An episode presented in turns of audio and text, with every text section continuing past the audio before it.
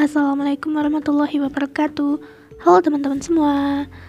Di episode pertama kali ini Untuk pertama kali ya Reinkarnasi kata bakal ngasih tahu kalian kisah Nabi yang pertama kali turun di muka bumi ini Atau manusia pertama yang turun di muka bumi ini juga.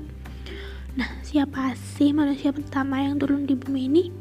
Kalian pasti tahu dong khususnya umat muslim Atau wajib banget tahu soalnya itu juga tertulis dalam kitab kita kitab Al-Quran.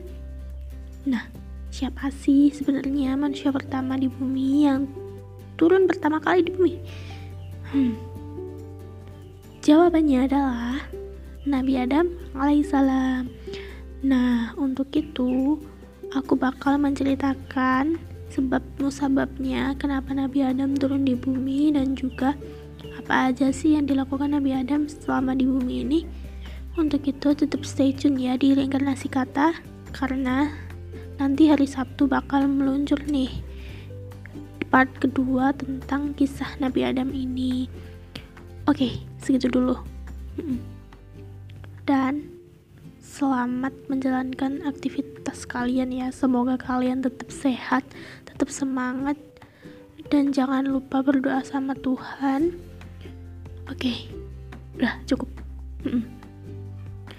Wassalamualaikum warahmatullahi wabarakatuh.